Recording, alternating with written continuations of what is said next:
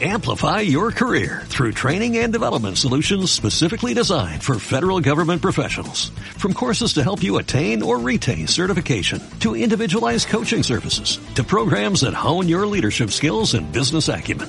Management Concepts optimizes your professional development. Online, in person, individually, or groups. It's training that's measurably better. Learn more at managementconcepts.com.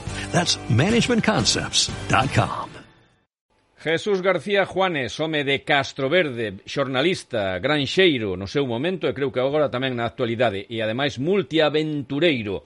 Eh, eu recordo pois en, eh, en moitas cousas nas que, mm, bueno, de alguna maneira tamén quixemos participar e, e houbo unha época pois de moito contacto con el, aquelas voltas á muralla, onde pois dende Cadena 100, non? Cando se podían facer cousas aquí a nivel local, pois bueno, tamén botamos unha, unha man e aquelo foi pois o, un pouco eh, el foi un pouco un, un precursor, non? Porque foi pois prácticamente dous anos antes a que declararan a muralla de Lugo como patrimonio da humanidade e el puxo moitísimo da súa, da súa parte.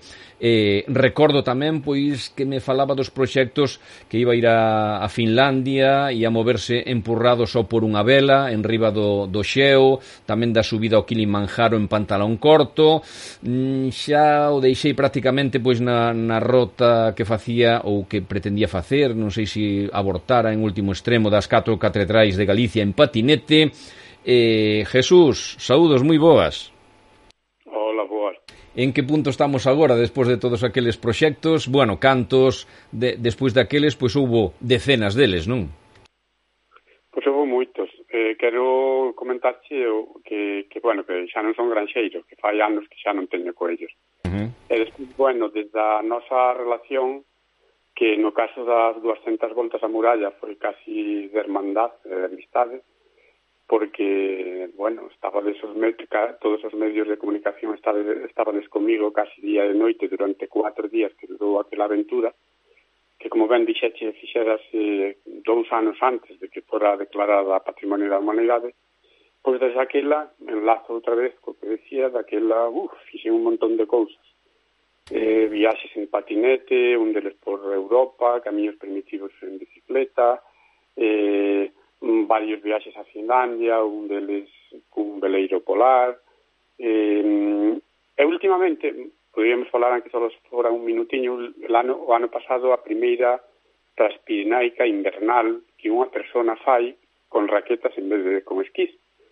E ademais, casualmente ou curiosamente a máis rápida da historia. Nunca jamás se fixo unha travesía invernal dos Pirineos eh, tan rápida con esquís e moito menos con raquetas, porque en teoría o período de, de tempo que che leva a baixar desde un collado é, eh, é prácticamente o doble ou máis. E sin habituallamento? A, eh, mira, e a Transpirinaica que se fixo o ano pasado en inverno son catro retos xuntos nun só. Eh, a travesía invernal máis rápida da historia. É dicir, normalmente podes podese chegar a emplear dous meses e eu fixina en 27 días eh, cerca de 27 días. Despois foi a máis rápida da historia, a primeira que se fai con raquetas, a, na primeira tamén que se emplea pulca, que se emplea un trineo para transportar a comida e o equipo, e, eh, eh, bueno, non sei, non sei se faltou algún, algún das catro cousas que, que comenten. Por certo, eh, tes algún récord Guinness? Bueno, eh, a verdade é que é moi moi difícil levar a cabo non todo o que piden, non? O sea, ter eh, testemunhas no, presenciais é difícil, non? Nunca intenté registrar absolutamente nada. Eh, eh, evidentemente hai, hai, hai retos que, que bueno, simplemente que naide, naide se acometeu. Uh -huh. E recordo, curiosamente, eh, os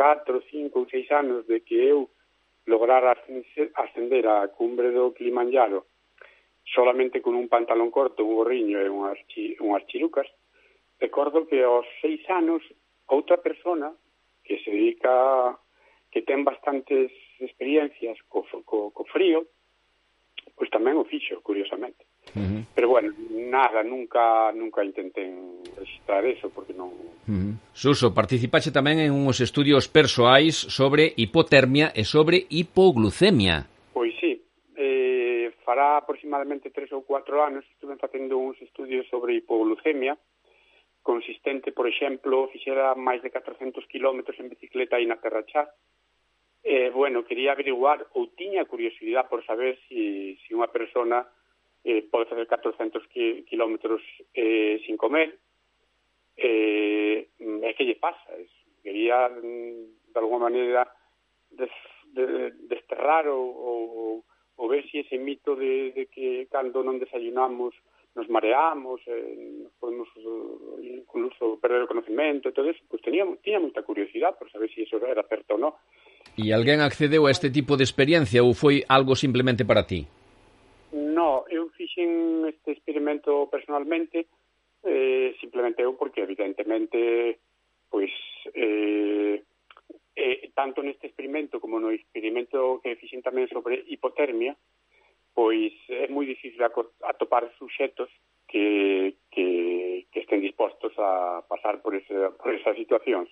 Uh -huh. Entón era simplemente pura curiosidade, eh, é eh, eh, bueno e descubrindo algunha maneira que sí, que algunha persona entrenada con un mínimo fondo físico, bueno, pues, pues está preparada para pre, vivir en ayunas e facer unha tarea física moi, moi, moi fuerte sin ningún problema. Eso sí, sempre cando teña uns anos de, de, de preparación para, para cometer ese, ese, esos retos, evidentemente, unha persona obesa con, con falta de exercicio non pode facer eso o día siguiente. Pero mm. unha persona tipo medio, normal, que fai ejercicio, que está san, sana, pode facer tranquilamente ese tipo de, de, de, de experimentos. Desde aquí, claro que non nos recomendo. E despois o tema da, da hipotermia, pois foi fixino eh, o reto era intentar permanecer durante unha hora seguida en pleno inverno no Miño. As aguas do Miño poden estar aproximadamente no mes de diciembre ou no mes de xaneiro poden estar entre 3 e 5 grados, entre 3 e 6 grados. Mm.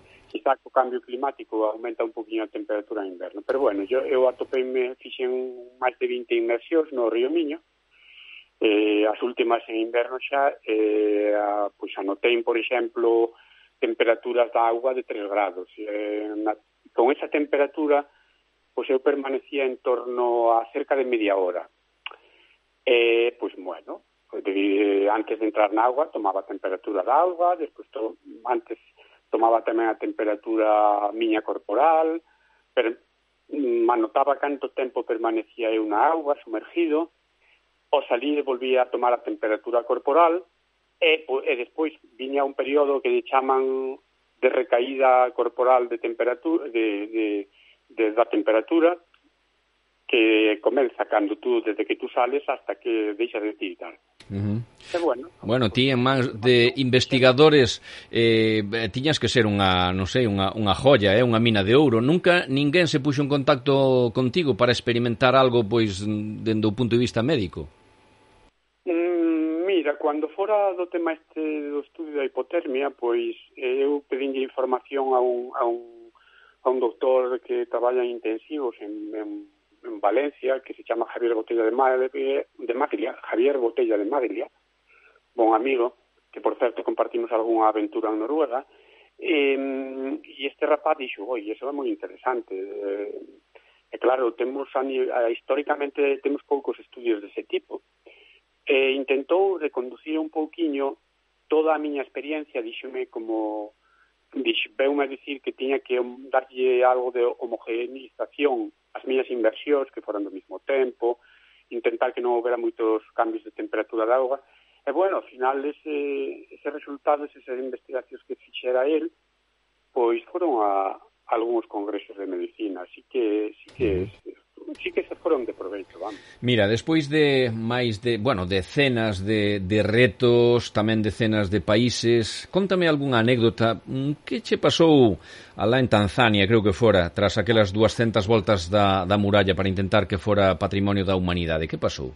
Fai 22 anos, eh, máis ou menos fai aproximadamente 22 anos. Eu, despois de, de facer as voltas da muralla, que, por certo, tuveron unha zona impresionante a nivel de Estado español e incluso fora de España, porque estuveran pendientes dese reto deportivo todas as cadenas de televisión, eh, diarios eh, de gran tirada estatal como país. Eh, bueno, o caso é que ao cabo dunhos anos eu subín ao Kilimanjaro para intentalo en pantalón corto. Quizá, curiosamente, esa actividade está enlazada cos meus estudios posteriores despois de, eh, de justamente sobre hipotermia, o que fixera no Río Miño, que non é, que é absolutamente é o mismo prácticamente. O caso que nun hotel do no hotel de, de, de Tanzania, eh, na capital, que é, aí, teño na, na punta da lingua, eh, bueno, é igual, no hotel onde nos esperábamos antes de comenzar a, a ascensión, pois... En Dodoma? Un, perdón? En Dodoma ou un... No, no, mal, é igual. Ahora teño eh, teño aí un hotel onde parábamos para, para desplazarnos despois a base, ao, ao, ao punto onde se inicia a extensión a montaña. En Mosi, creo que era. Exactamente, en Mosi. Pois en Mosi, no hotel de Mosi, eh, dentro do hotel, que por certo, tiña uns muros de dos ou tres metros de alto, justamente para que para estar totalmente aislado do, do, do, do, do exterior, por temas de seguridade, pois no hotel un, un rapaz de un, un rapaz de Sudáfrica díxome oh, en inglés díxome, home, tú eres Juanes e eu a mí, que, que cheguén a eso en Ferrol ou en Vigo naquelas datas, naquela época era normal ou en Pontevedra ou que incluso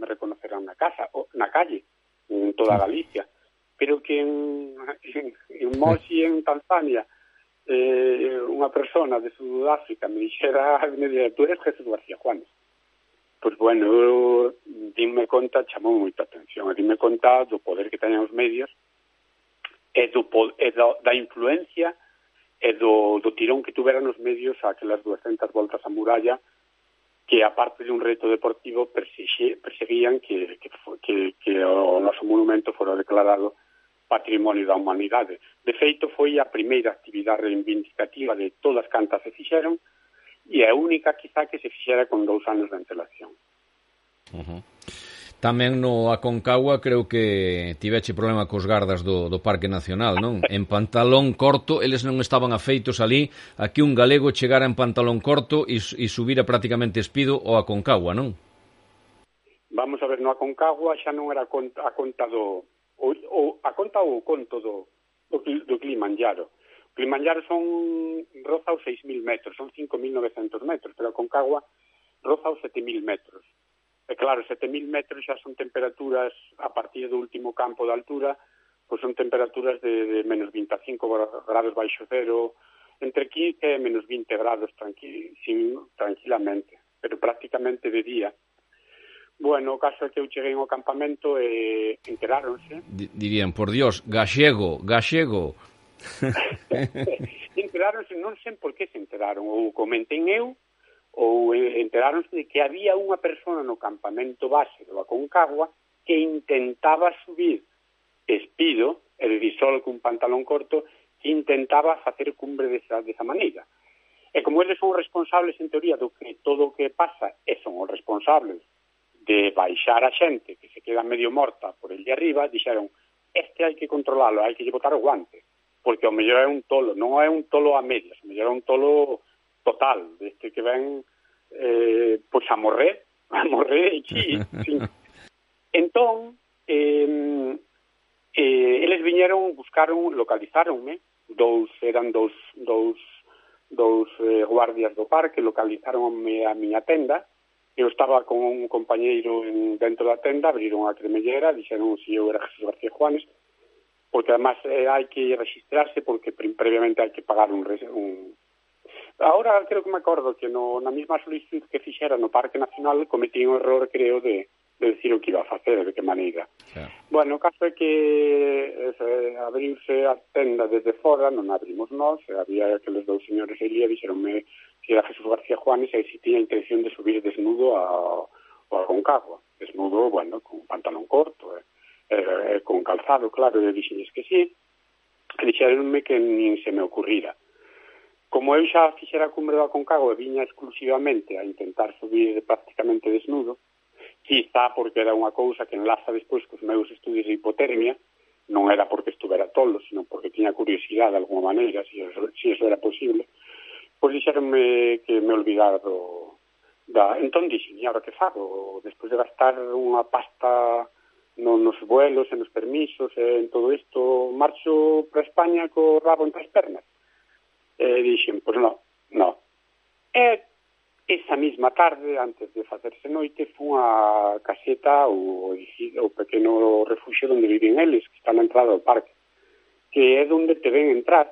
Está situada justamente no punto por onde entra a xente a Plaza de Mulas, que é o campamento base do Concagua. Bueno, o caso é que entrei en Ilí, eh, realmente tiña unha laboura difícil, porque intentar convencer de que me deixaran subir, cando eles non deben deixar facer cousas desas, e intentar convencelos de que me deixaran non subir porque eu non era un tolo, sino solamente un medio tolo, pois era difícil, pero conseguino. Conseguino, uh -huh. dixen, mira, eu non son unha persona seria, teño certos estudios, xa subín o Kilimanjaro eh, desnudo, e eh, interésame, por lo menos teño curiosidade por, por, por, por estas cuestións eh, pero bueno, non son aloucado como relí, levo na miña mochila roupa. E xa si vedes, repatriades o meu cadáver a la Castro Verde e punto. Non, dixenlles eu bon subo desnudo por como, un, como curiosidade quero averiguar certas cousas. Pero ollo, eu levo comi, eh, levo roupa na miña mochila e se vexo que non é posible ese reto mm. vístome baixo para baixo outra vez. Bueno. e bueno, Eh, e deixaronme. Esos señores tiñanche que ter pedido despois o autógrafo, eh, o, o, o, o baixar, pero xa non coincidirías no, con eles, non? Despois outra anécdota moi curiosa e é que que bueno, que eu iba con outros dous compañeiros, os dous compañeiros iban moito máis lentos que eu, e ao final eu iba esperando por eles e sí que me entraba o frío, a máis de 5.000 e 6.000 metros. Uh -huh.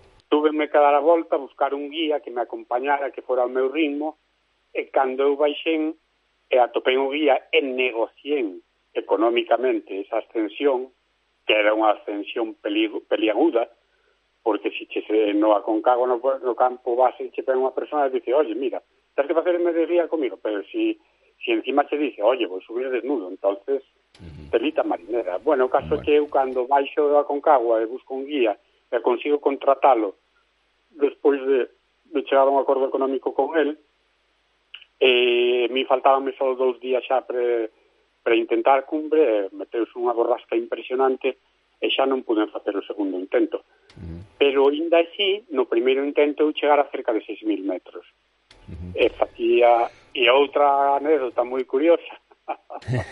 Eh, intentando, facendo ese primeiro intento, cos meus compañeiros, eu iba bastante máis adiante que eles, E foi moi curioso, porque nun punto de repente eh, mm, a, a, a, von subindo con outra persona que levaba un mono de expedición, levaba cinco ou seis capas de, de roupa, eh, estuvemos así camiñando como 50 metros xus, eh, eh, parellos, eu despois xa o deixen porque iba máis rápido, pero bueno, el miroume así para min, eu mirei no prel, e el dame que mirou para min, pero dixo, isto non é certo. No, é un marciano. Porque, mm, no, como na, en alta montaña e os efectos do mal da altura e pois ás veces fanche un eh, fantasma e, al, e alucinacións, é certo, podes ver cousas raras. Dixo, no, no, que vexo... No. Qué bueno, qué bueno. Bueno, Jesús, qué, qué maravilla. Oye, eh, te has pensado facer algún libro con todo esto algún día? Non sei se fixache algo. Vamos a ver, eu solo publiquei un libro eh, que ademais presen, medio presenten aí na, na, na, nos estudios da, da cadena COPE, non sei se te acordas. Sí, é unha, unha persoa que tiña dificultades... Eh, sí. Fora, fora eh, era unha persona que vivía en Venezuela e que hoxe reside en, reside en Barcelona, está medio aposentada aquí xa, está facendo os trámites para conseguir a, a nacionalidade. E bueno, eh, solo escribí un libro na miña vida, medio libro, porque en teoría é compartido. E, e bueno, e hoxe pola mañá ocorreu unha cousa moi curiosa ás 5 da mañá. Eh, levanteime a escribir algo de un relato de ficción que están facendo na, no, no meu Facebook e dixen, bueno, Suso, eh, tens que intentar escribir un libro sobre a transpiranoica invernal que fixeche o ano pasado porque realmente foi unha, unha aventura moi bonita e foi a primeira, foi un gran reto, deberías poñerte dunha vez a escribir. Pero eu teño un problema, é eh, que vou, cando vou a correr, se non ven Capón, un amigo do colegio menor do Ijo Garay, eh, amigos de cando fai, cando tiñamos 11 ou 12 anos, pois eu teño o problema é que, que se non Capón non vai correr, eu non teño a suficiente forza de voluntad para ir correr solo. Eh, ese libro, ese medio libro, escribínos posiblemente porque Marisol tamén se animou a escribilo, eh, e creo que de, chegou o momento de, de, de escribir un libro, o meu primeiro libro, eu solo, sobre unha actividade que realmente me encantou o ano pasado, que, que foi a, a primeira Transpirinaica invernal, que en vez de facerse con esquís, faise sin raquetas, a máis rápida da historia, e bueno, eh, De mar a mar, porque chegache, empezache polo mar, por un mar e acabache no outro, non? Empecé no Cantábrico cun trineo, tirando un trineo, que aí sí que unha anécdota buenísima, tamén parecida a que me correu con un Moncho en Finlandia, cando se rompeu o mástil de, do veleiro polar. Pois que resulta que eu eh, mm, o trineo, o trineo que levaba, no que levaba toda a comida, para intentalo mover costa arriba, que normalmente os trineos os só se emplean en, en aventuras polares, en terrenos relativamente chans, pois o primeiro día rompeu, rompeu romperon os brazos, porque cometí o error de perforalos, eh, os brazos valían tamén para, para o mástil da tienda, para o mango piolet, pero cometí o error de perforalos e iso quitoulle bastante resistencia. E o caso é que eu salgo de, de, Uri, de, de Irún, perdón, e o primeiro día, esa mesma tarde, do primeiro día da aventura, unha aventura na que eu non tiña absolutamente ninguna fe, eu pensaba que nunca jamás sería capaz de facer eso, simplemente porque os esquiadores profesionales e moitos montañeros dixeronme que eso era totalmente impiable, mover unha pulca, un trineo costa arriba. Bueno, o caso é que a, o, o primeiro día de marcha o, o romperon os brazos. E, e foi moi curioso, porque e xustamente onde se rompe o primeiro brazo do, do trineo, sino cal era impo totalmente imposible transportar toda esa comida hasta a mitad da travesía, pois nunha casa medio abandonada que tiña algo así de, de restos de enseres e de basura ao redor dela, e curiosamente había unha cuchara, unha cuchara destas de ferro, duras destas antigas, perdón, unha cuchara, unha sartén. E claro, eh, pois a ves, arrinquenlle dolén o mango da sartén, desas sartés de ferro que tiñan un ferro bastante largo e duro, un mango.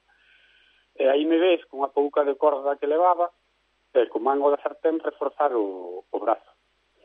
Pero eses brazos foron rompendo, despois rompeu outro e iba arreglando, e conseguín que non romperan por un punto e acabaron rompendo por outro, o caso que contén tres ou cuatro días cun trineo que ao final pues, levaba dous, dous, dous troncos, dúas ramas de dous árboles.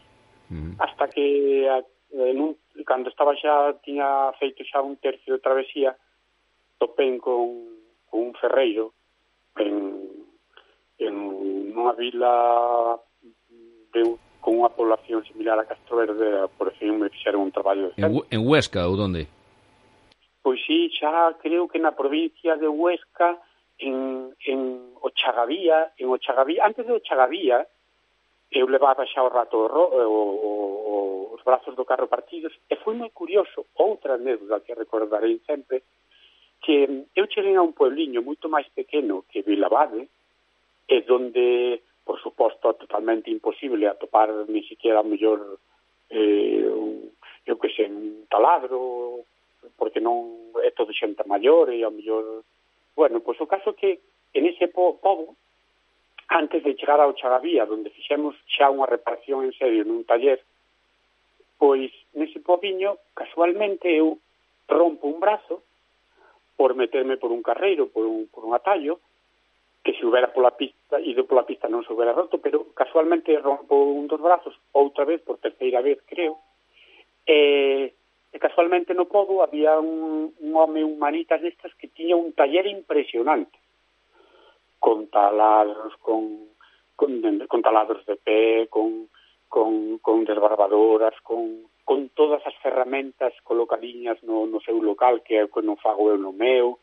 E bueno, eu chego de eh, acabín de romper o brazo, aos 50 minutos entro naquela casa, e resulta que aquela casa tiña un taller impresionante. Debían ser artesanos, ou foron a ser artesanos da madeira no seu tempo, e era unha persona destas manitas. Fixeron un traballo impresionante. Pero, claro, só tiñamos uns tubos de cobre e o cobre ao final acabou cedendo e foi cando no Chavavía nun taller xa metemos uns, uns tubos de ferro mm. e a partir daquele momento por lo menos non volví ter problemas mecánicos co trineo e bueno, ao final desa aventura como levaba toda a comida O final desa aventura, como sempre, os últimos tres ou cuatro días, pois pasei máis fame cun can, porque porque vas con unha dieta moi reducida de en torno a 600 gramos de alimento e, e ao final vais acabando e vas racionando todo o que podes. E volvendo un pouquiño a eso, a pregunta que me fixeche, pois sí, mm, hoxe levanteime cedo a escribir, e, eh, e eh, plantexeime que devo escribir o meu, a mi, o meu primeiro libro de completo, claro. Non, Muy ben non compartido con outra persoa. E ademais deste proxecto, así o, o próximo máis inmediato a nivel reto xa pois, eh, fin, naturaleza, que que tes por aí en mente? Pois mira, eh, é un reto que que vou intentar o ano que ven, e que é curioso porque o estón relatando xa de forma ficticia, porque cada vez me gustame máis escribir do que imaginar o que vou facer. Escribir un, e cada vez me costa máis escribir do que xa fixen, porque é como moi tedioso, quero dicir que te tes que for, forzosamente eh, relacionar ca realidade e intentar describila. E parece máis interesante, máis creativo pois, a, a ficción, De feito, ahora estou escribindo uns microrelatos en Facebook, con moi cortiños, porque xa sabes que xente non ten moito tempo pre, pre, pre, lear, pre ler textos largos, eh, eh, que leva por título Relámpagos de 15 montañas, relámpagos porque son moi rápidos, moi cortiños, son flashes. Eh, e, bueno, estou escribindo sobre un proxecto que vou intentar o ano que ven, pero que a mellor non fago polo que sea, porque nos confinan a todos ou porque teñen unha lesión, e consiste en enlazar en bicicleta en pleno inverno outra vez en Ferreiro, porque despois Ferreiro é un mes no que xa teño levantada a carne do sal, eh, quedan no que non teño que galañar, porque a erva está morta, entón, bueno, intentar outra vez en Ferreiro, como fixen unha taspineica invernal o ano pasado, e consiste en coller unha bicicleta e sin ningún habituallamento externo, é dicir, poñendo na bicicleta toda a comida que vou necesitar e o equipo que vou necesitar, vou intentar enlazar 15 montañas, unha de cada comunidade. Que ocorre? Co tema este que temos entre maus, todos, pois é moi probable que a cousa se complique nesas datas, que, por certo, ano pasado, cando eu regresaba dos Pirineos, xa estaba liada, o que pasa que ou non nos lo decían, ou estaba medio parado a nivel de medios, pero quería che comentar que este reto do que xa estón este reto que xa estón narrando previamente con de forma ficticia, pois bueno, consiste neso, poñer toda a comida que vão necesitar en dúas alforxas da, da bicicleta e intentar ascender, ascender a unha montaña de cada comunidade autónoma. É dicir, por eso son, eh, de cada comunidade autónoma, autónoma peninsular, que dicir, que vão ascender a 15 montañas. E bueno, empezaré, intentaré empezar no Mulacén, en Andalucía, e farei unha, unha gran S que acabará pasando nun dos bucles ou nun dos seus eh, recobercos pasará por Peña Trevinca, que é a montaña máis alta de Galicia, E desde Peña Trevín caíen buscar Asturias, Santander, A Rioxa, País Vasco, eh, Navarra, Aragón e Cataluña.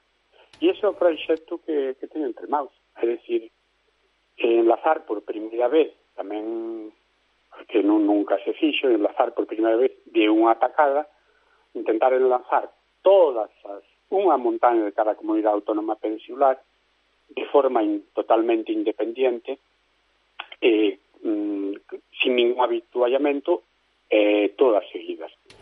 Curiosamente, esta forma de, de que teño eu de acometer algunhas das miñas dos meus viaxes ou das miñas travesías antes do Covid ou da Covid era como unha rareza, como unha, incluso unha estupidez, porque a xente dicíame, oye, si podes comprar comida na mitad dos da transpirinaica, por que a levas ti?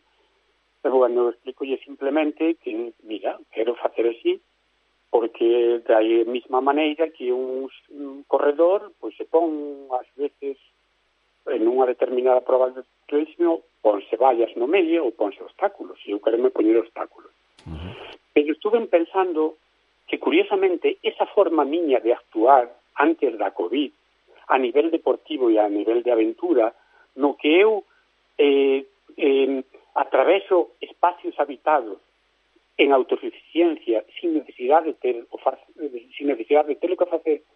Curiosamente nesta nova situación si a xente nos limitáramos por temas de ocio, por exemplo, a non poder parar en toda España, é dicir, si nos autorizaran a viaxar por toda España, pero solamente pois parando por necesidade nas farmacias, nos centros médicos, ou nas gasolineras para repostar, para min sería o terreno ideal, porque o meu reto consiste justamente o ano que ven en non ter ningún habituallamento, é dicir, en non ter prácticamente ningún contacto con nada.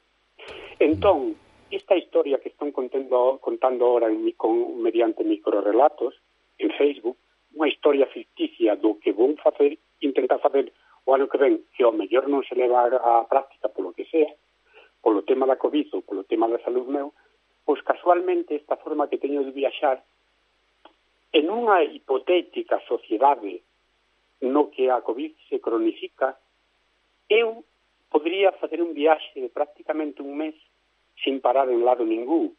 Por qué? Porque eh, a miña experiencia tanto en hipotermia como, hipo, como en hipoglucemia permíteme viaxar moi lixeiro con pouco alimento, pouca roupa, e gracias a poder viaxar moi, moi lixeiro, uh -huh. podo facer travesías moi largas sin depender en absoluto de todo o que me rodea. Pois seguro que serías un gran asesor para este goberno que parece que ou estos gobernos que non saben moi ben hacia onde tirar. Oye, Jesús, que foi unha, unha maravilla falar contigo, estendímonos moitísimo, pero era tan interesante todo o que tiñas que dicir que, en fin, eu seguiría aí moito moito tempo máis, pero bueno, hai que rematar. Quedámonos entonces con isto, con esta idea e, e xa iremos contactando a medida que a vayas poñendo en práctica, de acordo? Bueno, moi moi agradecido pola, pola, pola vosa chamada. Amplify your career through training and development solutions specifically designed for federal government professionals. From courses to help you attain or retain certification, to individualized coaching services, to programs that hone your leadership skills and business acumen, Management Concepts optimizes your professional development. Online, in person, individually, or groups. It's training that's measurably better. Learn more at managementconcepts.com. That's managementconcepts.com.